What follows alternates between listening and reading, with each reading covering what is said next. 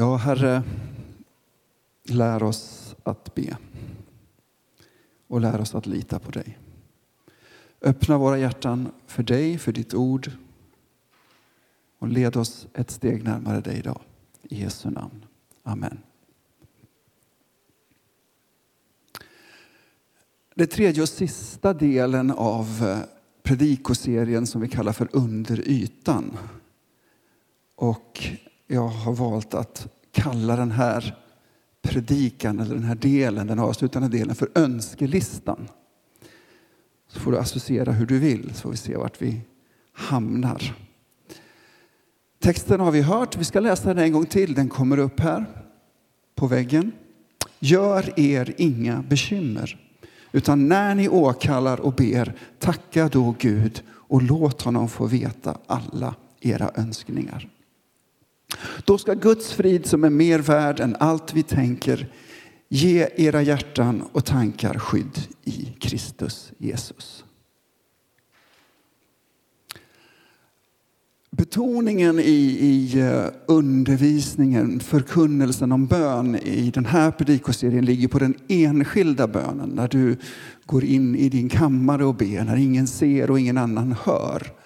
Och, och lite av poängen idag som du kommer att få höra är att det inte är så väldigt viktigt att vara välformulerad och slagkraftig då. Det spelar faktiskt ingen roll vilka ord vi använder. Däremot när man ber eh, tillsammans eller kanske leder högt i bön så kan det vara en fördel ibland att ha tänkt igenom vad man ska säga. Eh, när Maria och jag var nygifta så, så bodde vi ett och ett halvt år i Edsbyn och jag jobbade som ungdomspastor där. Och i en bönesamling i Salemkyrkan i Edsbyn så var det en entusiastisk hälsing som skulle leda hela församlingen i bön. Och han bad, gode Gud, välsigna hela världen. Och så la han till, och alla länderna runt omkring. Ja. Jag vet inte om det bara var, var liksom spontanitet eller om det var en världsbild som behövde korrigeras. Men eh, så gick det i alla fall. Den här texten som, som jag just läste som vi såg på väggen här, den kommer från Filipperbrevet. Jag vill bara ge några korta rader om bakgrunden till det där brevet. Filippi är en stad i, man törs knappt säga Makedonien idag, eller om det är Nordmakedonien eller vad det är, men det hette Makedonien då i alla fall.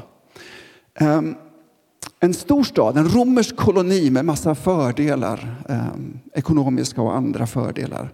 Församlingen där i staden Filippi eh, startades ungefär 48-49 efter Kristus. Kanske 15 år ungefär efter att Jesus gav sitt liv på korset och uppstod. Eh, det är mest icke-judar som bor där.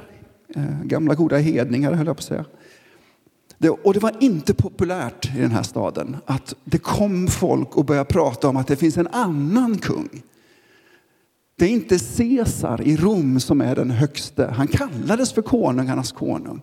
Han kallades för herrarnas herre. Caesar kallades för världens frälsare. Och så kommer det några och säger nej, det finns en som heter Jesus som är världens frälsare. Han är Herren. Det börjar med att Paulus och några till eh, var i dagens Turkiet.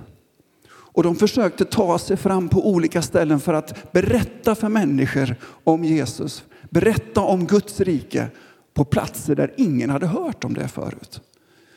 Och det, det står i Apostlagärningarna 16 kapitel. hur De tog sig från plats till plats och de blev hindrade av Gud själv från att gå dit de först hade tänkt. Och så hamnade de vid en strand och för att göra en lång historia kort så får Paulus en dröm. Och i den drömmen så ser han en man i Makedonien som står och ropar kom över till oss och hjälp oss. På morgonen så pratar Paulus med sitt team om detta och då så står det i Apostlagärningarna 16 att då förstod vi att Gud ville att vi skulle ta oss dit. Så då gjorde de det. Då åkte de dit. Gud initierade att de skulle gå. Han ledde dem och de hängde på och åkte dit. Det var första gången berättelsen om Jesus, nyheterna om Guds rike kom till Europa. Hon kommer till den här romerska kolonin, till staden Filippi. Och en textilhandlare, en spåkvinna och en fångvaktare med familj är de första som kommer till tro. Och de blir kärnan, urspr- eller liksom de första som hör till församlingen där, som nu får det här brevet. Det här brevet skrev Paulus ungefär 14-15 år efter att församlingen startade i Filippi. Troligen sitter Paulus själv i husarrest i Rom.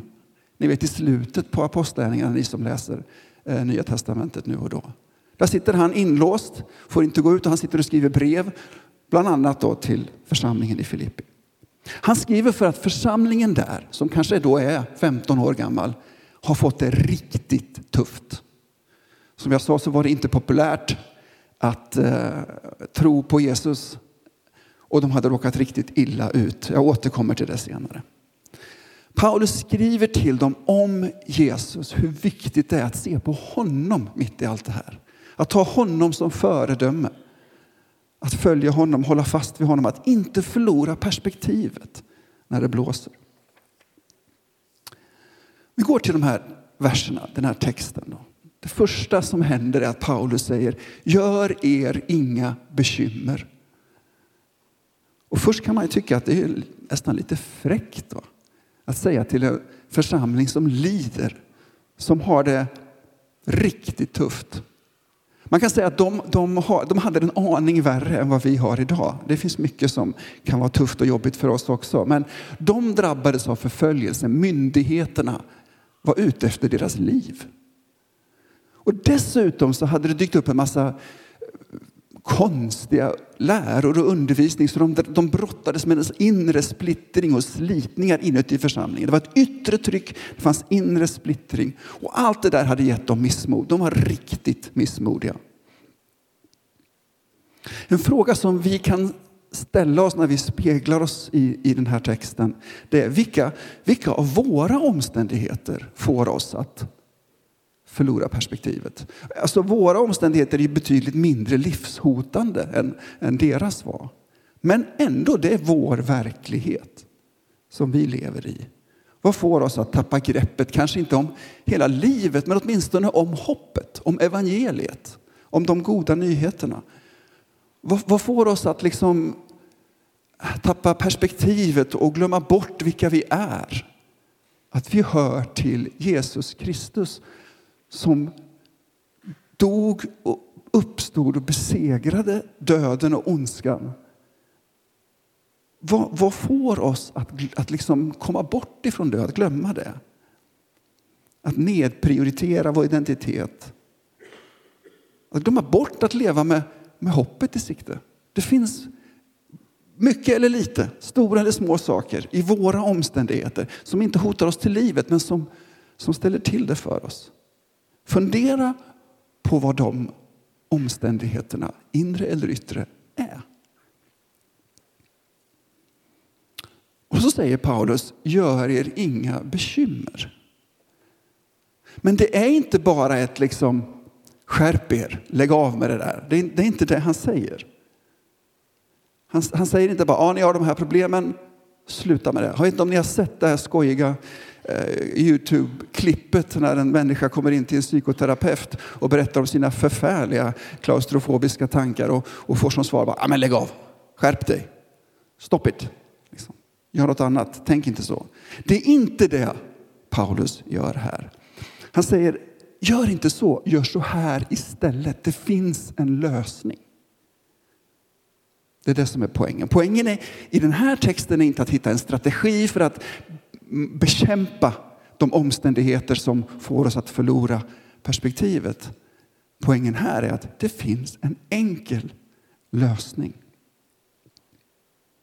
Det kommer i nästa mening. Utan när ni åkallar och ber, tacka då Gud och så vidare.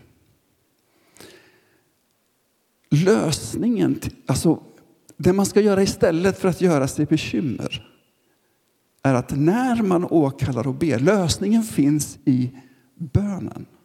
Motmedlet mot oro och bekymmer. Men det, Paulus säger inte, ja, om ni är oroliga och bekymrade så måste ni be mer. Skärp er, spänn muskeln. Liksom. Be mera. Ni ber för lite. Det är ert fel alltihop. Det är inte det han säger. Utan han, säger, han förutsätter att de ber när ni åkallar och ber. Be så här, säger han. Och så ger han fem tekniska knep till man får Gud att göra som man vill. Nej, han ger två ganska oväntade råd. Tacka, säger han. Tacka då Gud och låt honom få veta alla era önskningar. Tacka och önska. Ska jag tacka när jag är bekymrad, när jag är ansatt av yttre omständigheter och inre splittring och missmodig? Ska jag tacka då? Är det, menar du det, Paulus? Ja, för det har inte med dig att göra. Du ska inte tacka för de här förfärliga omständigheterna. Tacket har med vem Gud är att göra. För han är densamme. Att tacka Gud hjälper oss att få rätt perspektiv på vem Gud är och vilka vi är och på våra omständigheter. Det har att göra med Guds identitet. Att tacka när vi ber, oavsett omständigheterna ger oss en rätt ingång i vad vi håller på med, ger oss en bra inställning. Och låt honom få veta alla era önskningar. Här kommer önskelistan. Säg vad du vill till Gud. Säg, det är det det betyder. Säg vad du vill, säg vad du har på ditt hjärta. Avväg inte, recensera inte din bön. Försök inte tänka efter liksom vad som är rimligt att be om eller inte. Så här kan man ju inte be. Tänk inte att det här är för litet att be för eller det här är alldeles för stort. Vem är jag att be för? Det här är ungefär som han i Edsbyn som bad för hela världen och länderna runt omkring. Säg vad du vill, säg vad du önskar, vad du hoppas. Häv ur dig det till Gud. Det är vad det här betyder. Tacka Gud därför att han är den han är oavsett hur det ser ut. Och önska. Låt honom få veta vad du önskar. Det finns inget som är för stort, det finns inget som är för litet. Gud har koll står det i skriften, på allt från galaxerna till hårstråna på, dina, på ditt huvud. Gud har koll på allt från kvarkar inuti elementarpartiklarna till kvasarerna. Allt från kvarkar till kvasarer. Det är en bra boktitel. Jag ska skriva en bok om det.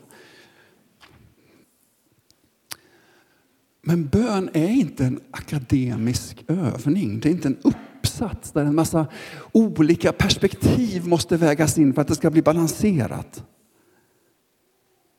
Din bön behöver inte vara full av källhänvisningar. Din, behöver inte vara, din bön behöver inte vara politiskt korrekt. Din bön behöver inte ens vara artig.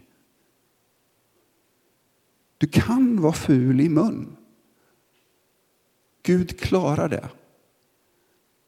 Alltså det finns exempel på böner i både gamla och nya testamentet som man knappt törs läsa högt. Men du kan bara häva ur dig det du har i ditt hjärta till Gud. Han klarar det. Du kan vara jättesubjektiv i din bön. Det är nog bra om du är det. Du behöver inte vara välformulerad objektiv och välbalanserad.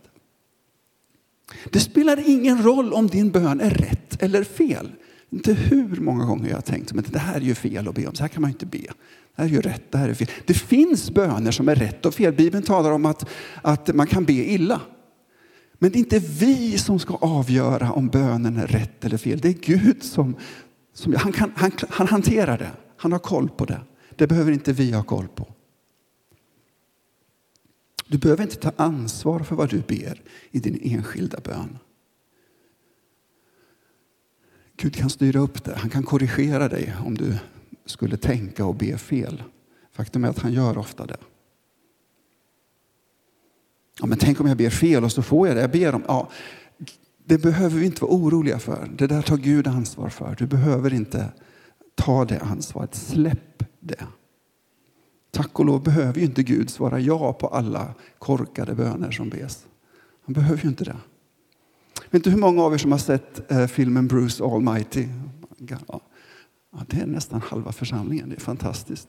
Man borde ha sån här obligatorisk fredagskvälls sysselsättning. I filmen Bruce Almighty, så, alltså det här är inte då en, en biblisk film, så. Men, men tack och lov. Men Bruce får vikariera för Gud. Jag kommer inte riktigt ihåg om Gud skulle på semester eller vad det var, men Bruce får vikariera för Gud som bland annat får konsekvensen att han hör alla människors alla böner och han blir tokig. Så han inrättar ett system där alla människors alla böner istället kommer som e-post. Så att han får lite koll på det och slipper höra alla dessa rop. Och det blir väldigt besvärligt för Bruce som då vikarierar för Gud att svara på alla de här bönerna. Han, han sitter och svarar, svarar, svarar, svarar och när han har svarat på, han tycker jättemånga böner så finns det ännu fler i inkorgen. Och då kommer han på lösningen. Han ger ett automatsvar. Ni vet det finns på e-postprogrammen, man kan skriva autosvar.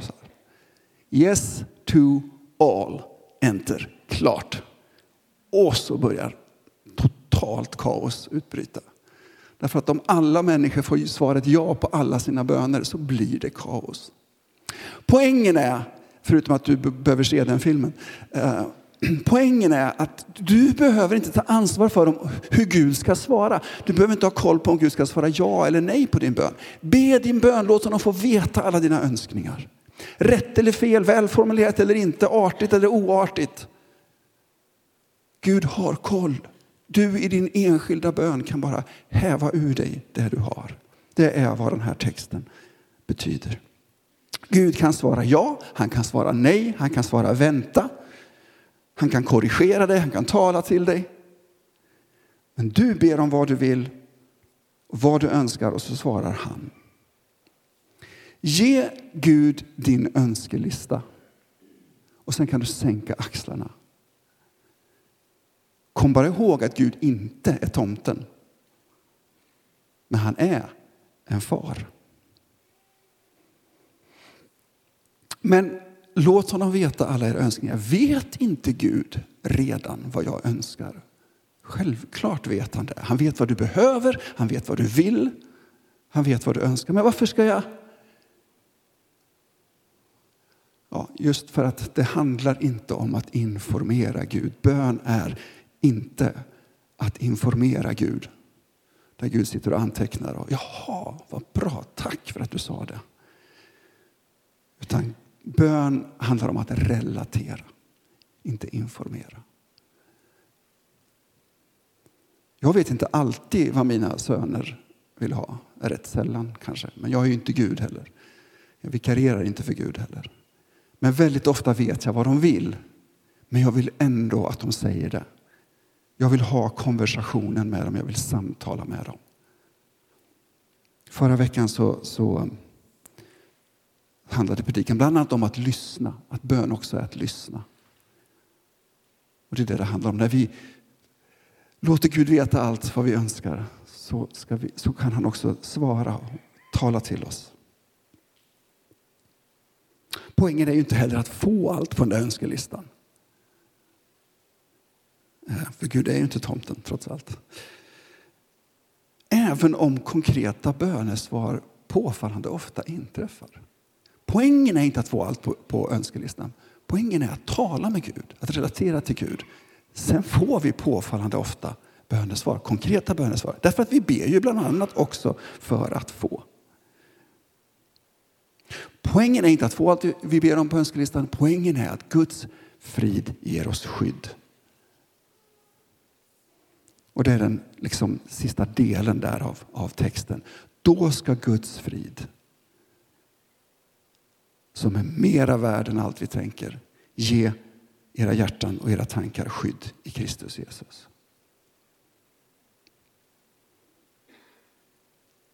Skydd mot vad då? Ja, det beror ju på vad du svarar på frågan som jag ställde tidigare. Vad är det som får oss att tappa perspektivet? Vad är det som får oss att glömma bort vår identitet i Kristus? Vad är det som får oss att gå vilse? Vad är det som får oss att, att, liksom, att sky, sikten skyms? Det skyddar den här sortens bön. Att tacka och att önska. Skydda våra hjärtan mot konsekvenserna av de där sakerna som, som stjäl perspektiven.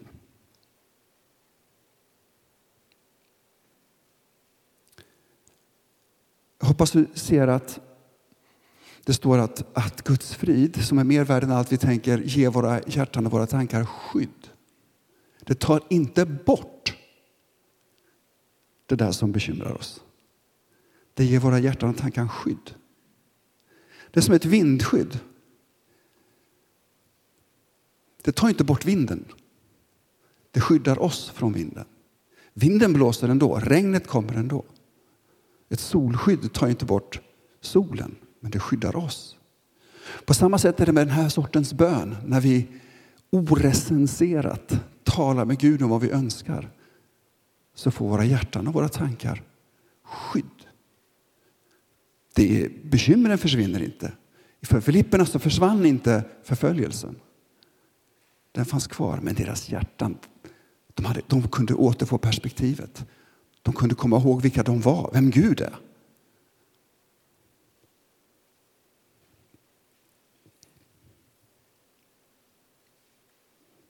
Guds frid, Guds shalom är ju inte en, främst en känsla. Guds frid, som alltså ger våra tankar och hjärtan skydd, är inte, inte bara avsaknaden av oro eller avsaknaden av konflikter. Utan det är ett tillstånd som består av hela och upprättade relationer. Så Guds shalom, Guds frid tar inte bort omständigheterna som bekymrar oss, men beskyddar våra hjärtan och tankar. I Kristus står det. Det är ingenting som Paulus bara slänger in sådär, där, ni vet. Som vi gör med amen ibland. Vi tänker inte på vad vi säger. Ska skydda våra hjärtan och tankar i Kristus Jesus. Det betyder i relationen till Kristus så har vi det här skyddet. Men det betyder också i Kristi kropp. Mycket av, av när Paulus pratar om i Kristus i, i Filipperbrevet så handlar det om församlingen. I församlingen, i Kristi kropp så tar sig Guds shalom, Guds frid, konkreta uttryck. Det är vad Paulus säger. När vi ber så här så händer någonting med vår relation till Gud och det händer någonting med våra relationer i församlingen. Och Guds shalom beskyddar oss i våra hjärtan. Avslutningsvis då. Mer värd än allt vi tänker, står det. Det är ju ingen liten liksom, extra bonus. Det är ingen liten löneförhöjning eller en extra semestertillägg. Utan mer värd än allt vi tänker är Guds frid, Guds shalom. Det är därför det här är så viktigt. Det är därför det här det är därför vi, vi behöver lära oss att be på det här enkla sättet. Att tacka och önska. 15 år innan Paulus skrev det här så fanns det ingen människa i Filippi, kanske inte ens i hela Europa, som kände till Guds frid. Som hade upplevt Guds shalom, som hade upplevt upprättade och hela relationer. Så kommer några och, och, och ger dem de här goda nyheterna. Gud initierar att några åker dit och berättar om Jesus och de goda nyheterna. Och så kommer det en efter en efter en i den här staden Filippi till tro och får smak på Guds frid. Det är mer värt än allt de hade tänkt tidigare, allt, än allt vi tänker. Deras tro ledde till förföljelse, det ledde inte till ett bekymmerslöst liv.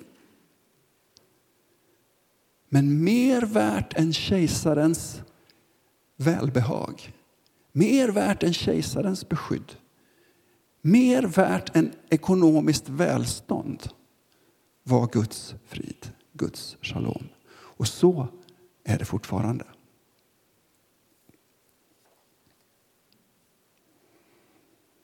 Vi ska ta en stund av bön, reflektion, tillbedjan Vi ska be tillsammans. Och eh, jag vill föreslå att du frågar dig själv vad som får dig att tappa perspektivet. Den där frågan som, som jag ställde inledningsvis. Vad, vad, vad, vad leder till oro och bekymmer i ditt liv? Vad får dig att liksom tappa hoppet, förlora siktet? Ställ dig den frågan. Fundera på det. Så vill jag utmana dig att pröva att vara brutalt ärlig i din bön. Säg vad du tänker. Tacka Gud och säg vad du tänker. Du kan vara nöjd när du gör det, därför att du har bett bibliskt, som vi har sett här. Tacka Gud och låt honom få veta alla dina önskningar. Pröva att vara brutalt ärlig i din bön och se vad som händer. Och be också för alla de platser i Sverige och utöver världen som, som är som staden Filippi innan Paulus och hans team kom dit.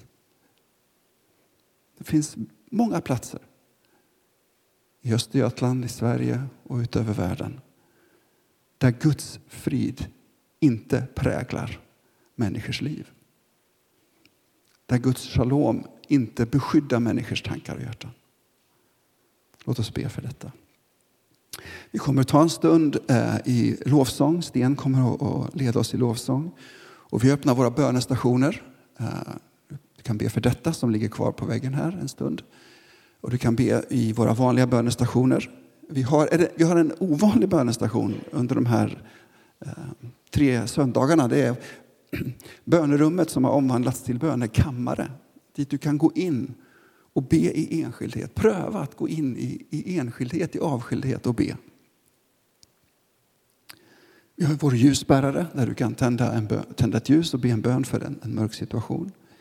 Vi har jordgloben där du kan be för världen, för platser som, som är som staden Filippi innan Paulus kom dit. Det finns en burk här borta med en massa lappar med namn på där vi kan be för människor som inte känner Jesus. Du kan lägga till nya lappar, du kan be för dem som är där i. Det finns bilder på Linköping där du kan stå och be för vår stad. Vi öppnar bönestationerna, vi tar en, en stund i tillbedjan, i lovsång. Och jag uppmanar dig att pröva på att be på det här sättet. Att tacka Gud och låta honom veta alla era önskningar. Då ska Guds frid, som är mera värd än allt vi tänker, ge våra hjärtan och tankar frid, skydd i Kristus Jesus. Amen.